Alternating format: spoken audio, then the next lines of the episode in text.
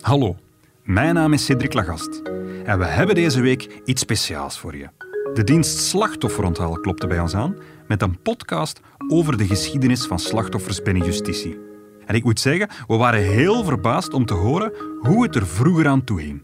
Hoe er amper geluisterd werd naar slachtoffers en hun nabestaanden. Die moesten overleven in het labyrint van justitie. In deze reeks getuigen die slachtoffers en ook rechters en magistraten. En ze vertellen ook hoe slachtofferonthaal doorheen de jaren is geëvolueerd. Dit is Slachtoffer uit de schaduw. Veel luisterplezier. Voor we van start gaan, even een dienstmededeling. In deze podcast worden getuigenissen verteld over moord, verkrachting en geweld. Als je dat liever niet hoort, dan sla je deze best over. Qua justitie was dat eigenlijk nog steeds een tijdperk. Ik bedoel, dat, dat, allee, nu zou dat echt onmogelijk zijn. Dit is Johan Steyaert. Op 23 juni 1979 werd het gezin van zijn broer Roland op gruwelijke wijze vermoord door Freddy Horiot en Roland Feneuil. Een van de meest beruchte moordzaken in de Belgische geschiedenis. De familie Steyaert ging op zoek naar antwoorden en hulp, maar vond er geen. Wie in de jaren 70 slachtoffer werd van misdrijven, had weinig rechten. Slachtoffers hadden geen steun, geen informatie, geen stem op de rechtbank. Pas in 1993 kwam daar verandering in met het ontstaan van de dienst Slachtofferonthaal. Ik ben Kate Luisterborg, uw reporter van dienst van het Agentschap Justitie en Handhaving. In deze eerste aflevering hoor je het verhaal van Johan Steyaert en zijn ervaring in een tijdperk voor Slachtofferonthaal slachtoffers begeleiden. Oké, ik zeg het nog een keer. Het was een ganz ander tijdperk. We luisteren ook naar oud-rechter Edwin van Vragen, die vertelt hoe justitie vroeger naar slachtoffers keek. Daar werd je gemakkelijk beschouwd als nestbevuiler. En dit is Ivo Aartsen, professor victimologie van de KU Leuven, die mee aan de basis stond van het ontstaan van slachtofferonthaal. Slachtoffers waren in die eerste jaren een, een stoorzender. Dit is het verhaal van slachtofferonthaal in Vlaanderen. Deel 1. De prehistorie. Zo klonk het nieuws op 24 juni 1979. In de Gentse deelgemeente Sint-Amansberg zijn voor de middag in een villa de lijken gevonden van vijf mensen. Volgens de eerste vaststellingen zijn ze neergeschoten en kan het om een roofmoord gaan. De slachtoffers zijn de ouders, twee dochters en een toekomstige schoonzoon. Ik ben Johan Steyaert, eh, broer van Roland Steyaert. Uh, ik weet niet of dat jullie dat allemaal nog herinneren. Dus uh, de gebeurtenissen in 1979, wat drama dat er maar ja, mij en mijn familie overkomen is. Dus die een bewuste zondagmorgen, ik, ik vermoed dat het daar rond negen uur moest geweest zijn. Dus dat ik in één keer gestommel op de trap hoor. Mijn moeder komt de kamer binnen en ze riep mij van Johan, je moet onmiddellijk opstaan. Je moet naar beneden gaan, er moet iets verschrikkelijk gebeurd zijn. Met die woorden stapt vader Steyaert mee in de combi van de Rijkswachters. Hij wordt niet voorbereid op wat hem te wachten staat, krijgt geen antwoorden op zijn vragen. De Rijkswachters mogen niets zeggen. Pas wanneer hij op de oprit van zijn zoon Roland is, begint het hem te dagen. Vader Steyaert is daar om lijken te identificeren. Johan weet op dat moment ook nog van niets, tot er een journalist aan de deur staat met de boodschap uw broer is vermoord. mijn broer vermoord. En mijn gedachten gingen onmiddellijk uit naar, naar de kinderen, naar Hilde en, en Mieke en Leona. Dat ik zei, oh die schapen, hun papa. Hè? ja. Dus ik wist nog niet van de rest. En uh, ja, toen is het verhaal beginnen verder gaan en kwamen wij te weten. Dus... Uh, Allee, wat drama dat er zich daar afgespeeld heeft. Dus dat ik eigenlijk ook allee, mijn, mijn, schoon, mijn broer kwijt was, maar mijn, schoon, mijn schoonzus en Mieke en Hildeken ook. Maar uh, hoe dat gebeurd was, wist ik niet. Dus gewoon maar, ja, bruut vermoord. Het kan niet anders dan dat het gezin met duizend en één vragen zit. Maar informatie krijgen ze niet via officiële kanalen, maar sprokkelden ze bij buren, journalisten kennissen bij de politie die hen konden vertellen hoe het onderzoek ging, maar daar bleef het ook bij. Zelfs toen de daders enkele dagen later gevat worden, weet de familie Steyaert van niets. Dus ja, qua, qua info oké, ik zeg het nog een keer, het was een heel ander tijdperk. Hè. Weet ook nog altijd vrij goed. Nu zou dat eigenlijk waarschijnlijk ook niet meer uh, denkbaar zijn. Dus dat ik uh, hoorde zeggen door een klant bij ons op het bureau. Dus die zei, ja, uh, ze hebben de daders gevat, ze weten wie dat is. Wow, dus dat sloeg ook in van... Eigenlijk als een opluchting. Ze hebben ze, nu gaan we het ook weten. En ik weet ook nog altijd vrij goed, dus dat die mens zei, dus uh, toen der tijd waren er zo van die krantjes uitgedeeld aan de grote kruispunten. En uh, dus die mens zei, ja, en uh, ze staan zelfs al met foto en die krantjes die uitgedeeld worden. Dus ik ben dan in mijn auto gestapt, ik ben dan direct naar Gent gereden. Ik had daar staan zwaaien, Andro lichten, dus ze met zo'n krantje bij mij kwam. Ik ben dan direct, als het groen was, rechts afgeslegen, Otterhemse Steenweg, en daar heb ik mij direct aan de kant gezet. En daar heb ik dan voor het eerst het gezicht gezien van, van de daders. Dus uh, om maar een voorbeeld te geven hoe dat het eigenlijk was. En die, ja. Uh, dus, allee, ja. Onvoorstelbaar eigenlijk. Hè. Tot aan het proces krijgt de familie Steyaert geen bijkomende informatie, geen begeleiding. Ze halen al hun informatie uit de kranten. De familie Steyaert staat er alleen voor. En dan plots is daar de dag van het proces. Het proces is doorgaan, dus uiteraard hier in Gent. Dus uh, in 79 is alles in Gent gebeurd. Dus oké, dat proces heeft een, een, aantal tijd geduurd. Dus, uh, en dan uh, vroeg een advocaat aan mij van uh, overmorgen, laat ons zeggen, is het de dag van de uitspraak. Wilt er iemand aanwezig zijn van jullie? Oké, dus die een dag ben ik daar dan toegekomen, mijn auto wat verder geparkeerd een allee, ja, speciaal moment was. Dus op een bepaald moment, als we dan doorgingen naar eigenlijk de grote zaal, dus wat dat publiek al koordig en al het geroezen moest van waar dat het, allee, ja, waar dat de, de, de rechters en al uh, zouden zitten, en wat dat, allee, de mensen al aanwezig waren. Dus op een bepaald moment uh, waren er een paar rijkswachters dus die ons allemaal tegenhielden. En dan, uit een zijdeur, zag ik uh, de twee individuen voor mij passeren. Twee, drie meter van mij. Dus dat ik zei. En dan was het voor het eerst dat ik ze echt al, ja, in levende lijven zag. Het eerste wat dat door mijn hoofd schoot was... Wat pietleutige types zijn dat. Ineengedoken met hun hoofd naar de grond. Ik bedoel, allee. En dan denken aan mijn broer. Mijn grote struisen, handen gelijk koolschoppen, dan ze zeggen. Ik bedoel, allee, komt er bij mij nog altijd niet in. Dan die twee gasten die daar eigenlijk op twee meter van mij passeerden, dan zij dat aangedaan aan, aan mijn familie. Ik bedoel, allee. Ik bedoel, allee, ik zei, uiteraard schiet dan alles door je hoofd. Dus ik heb dan ook plaatsgenomen. Dus een van de, ja, de tweede of de derde rij. Ik wilde zeker daar niet van voorzitten. Dus ik hoorde kijk, ja, de voorzitter en, en wat is daar allemaal, openbare aanklager, advocaten en al, wat dan ze juist allemaal precies zeiden, dat is eigenlijk allemaal aan mij ontgegaan. Dus al, ja, ik probeerde ook niet te kijken naar de tronies van die twee individuen, die er eigenlijk als nietige venten op die bank zaten, naar beneden te kijken. Oh. Dus uh, ja, en dan kwam dan de uitspraak. Oké, ik bedoel, ze werden dan weer weggeleid, ben ik dan blijven zitten. En uh, iedereen was weg. Ik zat ik daar eigenlijk nog als enige. Tot wanneer dus dat onze advocaat mij zag zitten, dat hij nog een keer afkwam, dat dacht Johan. Dus ben ik dan ook well, ja, in een roes naar buiten gegaan, in mijn auto gestapt. Tien minuten, een kwartier nog blijven zitten. Ben dan thuiskomen. Hmm. En mijn ouders zeiden hoe dat geweest was. Oh, ik zeg ik ja, moet er niet meer over denken. Dus ze blijven binnen. En ze zullen binnen blijven zitten. En ze gaan boeten voor wat ze gedaan hebben. Was dan natuurlijk weer procedurefouten. Procedurefouten. Waardoor het circus opnieuw begint. Maar gelukkig met hetzelfde resultaat. Voor beide daders wordt de doodstraf uitgesproken, die automatisch wordt omgezet in levenslang. Voor de familie is het eindelijk tijd om te beginnen rouwen.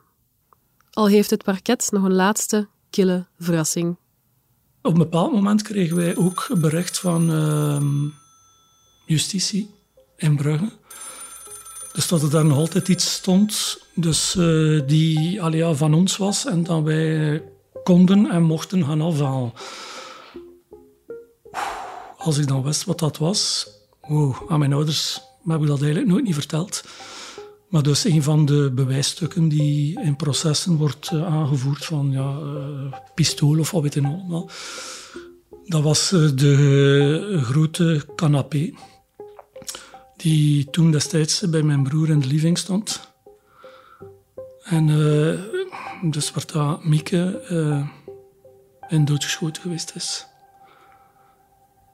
Dus die stond daar nog.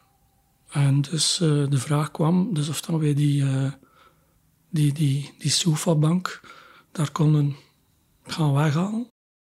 Dus dan hebben wij uh, de auto genomen en een remork eraan gepikt. En dus zijn Christian en ik dus naar Brugge gereden. En uh, stond er daar een meneer op ons te wachten. En we zijn daar binnen geweest.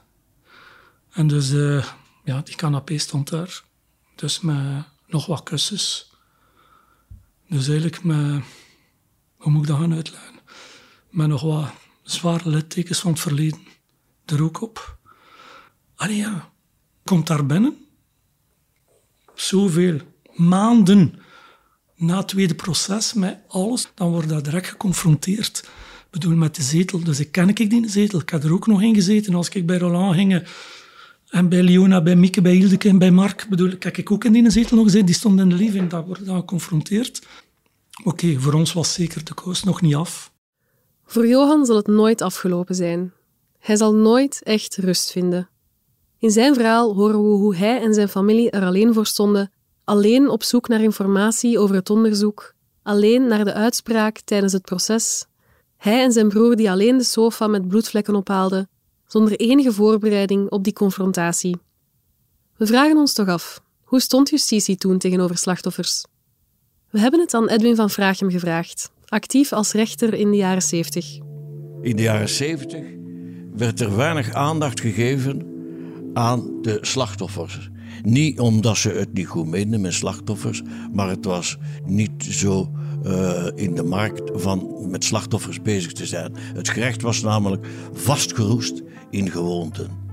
En in die gewoonten was niet opgenomen dat zij moesten opnemen voor de slachtoffers. Dat is eigenlijk uh, de ondergrond.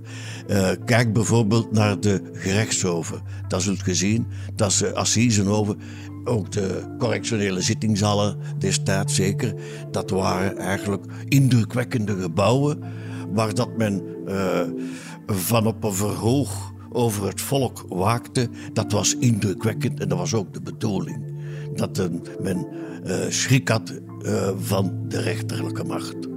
Dat heeft lang geduurd. Uh, en de vonnissen destijds en de arresten waren opgesteld in taal dat de mensen niet begrepen. Ja, het bracht ook mee dat de rechters eigenlijk in een ivoren toren leefden. Zij hadden weinig voeling met de gewone mens. En als je dan weet dat vroeger magistraten meestal uit begoede milieus kwamen, die dat velen nooit in een volkscafé met de kaarten gespeeld hadden, om zo maar te zeggen, dan weet u dat zij diezelfde lijn ook doortrokken als zij op de zetel zaten om eh, mensen te beoordelen. Als je het opkwam voor de slachtoffers in mijn tijd, dan werd je gemakkelijk beschouwd als nestbevuiler en controversieel. We spraken ook met Ivo Aartsen, professor victimologie, de studie van slachtoffers en slachtofferschap. In de jaren 80 is hij werkzaam binnen justitieel welzijnswerk. Daar besefte men langzaamaan dat er binnen justitie en politie ook aandacht moet zijn voor slachtoffers. Ja, heel het systeem bleef heel sterk, um, ja, eenzijdig dadergericht, eh, wat nog niet helemaal weg is nu, denk ik. En ja, het werken met slachtoffers vond men eigenlijk eerder iets voor de zachte sector, voor, voor maatschappelijke assistenten, uh, voor psychologen en zo verder. En wanneer wij bij de politie werken of in justitie werken, dan houden wij ons bezig met de criminaliteit. Met het bestrijden van de criminaliteit, het opsporen, het vervolgen, het berechten, het uitvoeren van straffen. Maar we hoeven ons toch niet bezig te houden met die slachtoffers. Slachtoffers waren in die eerste jaren een, een stoorzender. Dus dat heeft eigenlijk een heel lang proces van bewustmaking, sensibilisering uh, enzovoort uh, gevergd doorheen de jaren. Toch is het zo dat we ja, gaandeweg hier en daar enkelingen vonden bij politie en justitie die open stonden voor die problematiek en die ja, samen met ons op weg wilden gaan om, om echt betere praktijken uit te bouwen. En om training en om vorming te voorzien voor hun medewerkers. Maar in een eerste fase waren dat echt de uitzonderingen op de regel.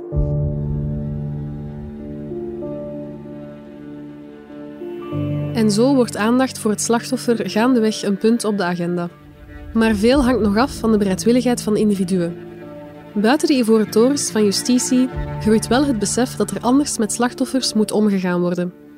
Bij professor Aartsen mondt de VZ2 Justitieel Welzijnswerk uit tot het Centrum voor Slachtofferhulp, dat slachtoffers begeleidt op psychosociaal vlak. Stilletjes aan kunnen de ivoren torens er ook niet meer omheen. Twee sleutelmomenten zorgen voor het besef en voor de doorbraak. Ten eerste, het boek Leven met een schaduw, dat door professor Aartsen tot stand is gekomen. In 1989 kwam hij in contact met een vader wiens kind vermoord was. Van daaruit is eigenlijk de idee gegroeid om andere ouders te contacteren en om hen samen te brengen, omdat we heel goed aanvoelden, en dat was ook de vraag van die eerste ouders, om samen te komen als lotgenoten. Om wederzijdse ondersteuning en hulp, informatie enzovoort te bieden. En ze vroegen daarbij de hulp van het Centrum voor Slachtofferhulp. En op een bepaald ogenblik uh, waren we met um, acht families die allen hetzelfde hadden meegemaakt, die allen een kind hadden verloren door moord. En de werking bestond erin dat wij maandelijks samenkwamen met die ouders en dat we eigenlijk ervaringen uitwisselden. En zo zijn wij die zaken beginnen op te schrijven. Uh, hebben we eerst een brochure uh, uitgegeven daar rond. En die brochure is dan later verwerkt tot een boek dat uitgegeven is door de standaarduitgeverij in Antwerpen, Leven eh, met een schaduw. Dat werd toevallig of niet toevallig ook gelezen door de toenmalige minister van Justitie, Melchior Wattelet. Die las het boek en was daar zeer door aangegrepen. Hij had ook het, het voorwoord geschreven in dat boek overigens, waar hij schrijft dat wat hij had gelezen voor hem werkelijk een boodschap was. En ik citeer hem, een boodschap was van liefde, moed en wijsheid. In dat boek werden een aantal aanbevelingen samenvattend weergegeven op het einde van die publicatie. Een van die aanbevelingen was dat binnen de rechtbanken een vaste contactpersoon zou aangesteld worden die de familieleden of slachtoffers in het algemeen uh, zou, zou kunnen uh, opvangen, zou kunnen informeren over de stand van het gerechtelijk onderzoek, praktische hulp, juridische hulp zou kunnen geven en zo verder. Dat was een van de vijftien aanbevelingen op het einde van dat boek. Het aanstellen van een vaste contactpersoon binnen justitie. En wat leidt daar hoor naar.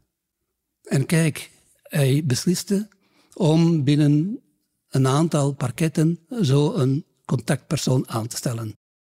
Zo komen de eerste maatschappelijke assistenten voor slachtofferonthaal, aanvankelijk in vier rechtbanken. Snel beslist justitie om die in elke rechtbank van eerste aanleg in te voeren. Eindelijk is er een aanspreekpunt, maar er is nog geen draaiboek. Dat is sleutelmoment 2. Het is 1996 en de zaak Dutroux barst uit. De zaak Dutroux is misschien wel de gruwelijkste zaak die we kennen. Getuigen verklaren dat ze de avond van de verdwijning een witte bestelwagen hebben gezien. Voering, gijzeling, seksueel misbruik en moord. Het land is in rouw. In wat voor een maatschappij leven we? Het is wereldnieuws. Mark Dutroux is a monster. Julie en Melissa, de meisjes bleken... 3 mètres de terre, les policiers vont trouver trois corps. Kidnap children, lock them in a dungeon. Zodanig ingericht dat hij er ontvoerde kinderen kon opsluiten en misbruiken. Vanaf dan zullen justitie en politie nooit nog hetzelfde zijn. Dutroux heeft de zaak zeker in een stroomversnelling gebracht, denk ik. En um, heeft ook aanleiding gegeven tot de politiehervorming, hè, want er was toch wel een groot probleem met, uh, wat betreft de coördinatie uh, van de politiediensten. Um, en de coördinatie met justitie. Maar opnieuw ehm, hebben we gezien dat er nog pijnpunten waren in de bejegening van slachtoffers, ook in de justitiële bejegening van slachtoffers. Uh, en um, ja, daar is dan ook zijn dan initiatieven ontstaan, uit ontstaan, zoals de wet Franchimont in 98 uh, en later andere wetgeving uh, binnen justitie, die meer rekening ging houden inderdaad met de belangen en de positie van het slachtoffer.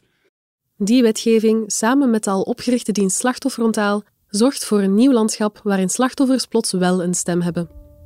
In de volgende aflevering vertellen we het verhaal van een van de allereerste maatschappelijke assistenten slachtofferontaal, Martien. Zij vertelt hoe ze die eerste jaren moet vechten voor de rechten van slachtoffers. Het is echt liever mijn hielen dan mijn tenen en dat, dat is altijd gedurende de hele periode zo geweest. Martien heeft Johan tot haar pensioen begeleid. Martien, dat is mijn engelbewaarder. Samen met Martien heeft Johan tientallen zittingen bijgewoond waarin hij zou mogen vertellen wat hij vindt van de mogelijke vrijlating van de daders. Luister dus ook zeker naar de volgende aflevering van Moed na misdaad, waarin we bespreken hoe het de allereerste justitieassistenten slachtofferontaal verging. Deze podcast is een productie van het Agentschap Justitie en Handhaving en Stemmen van Assise. Met dank aan mijn collega's Luc Gadisseur, Michael Escroaert, Zeger van Garsen en Lisbeth Wiseur. Ik ben je host, Kate Luisterborg. Eindredactie door Nieuwsblad en House of Media. Je kan ons steeds bereiken via communicatie.ajh.vlaanderen.be. Bedankt voor het luisteren.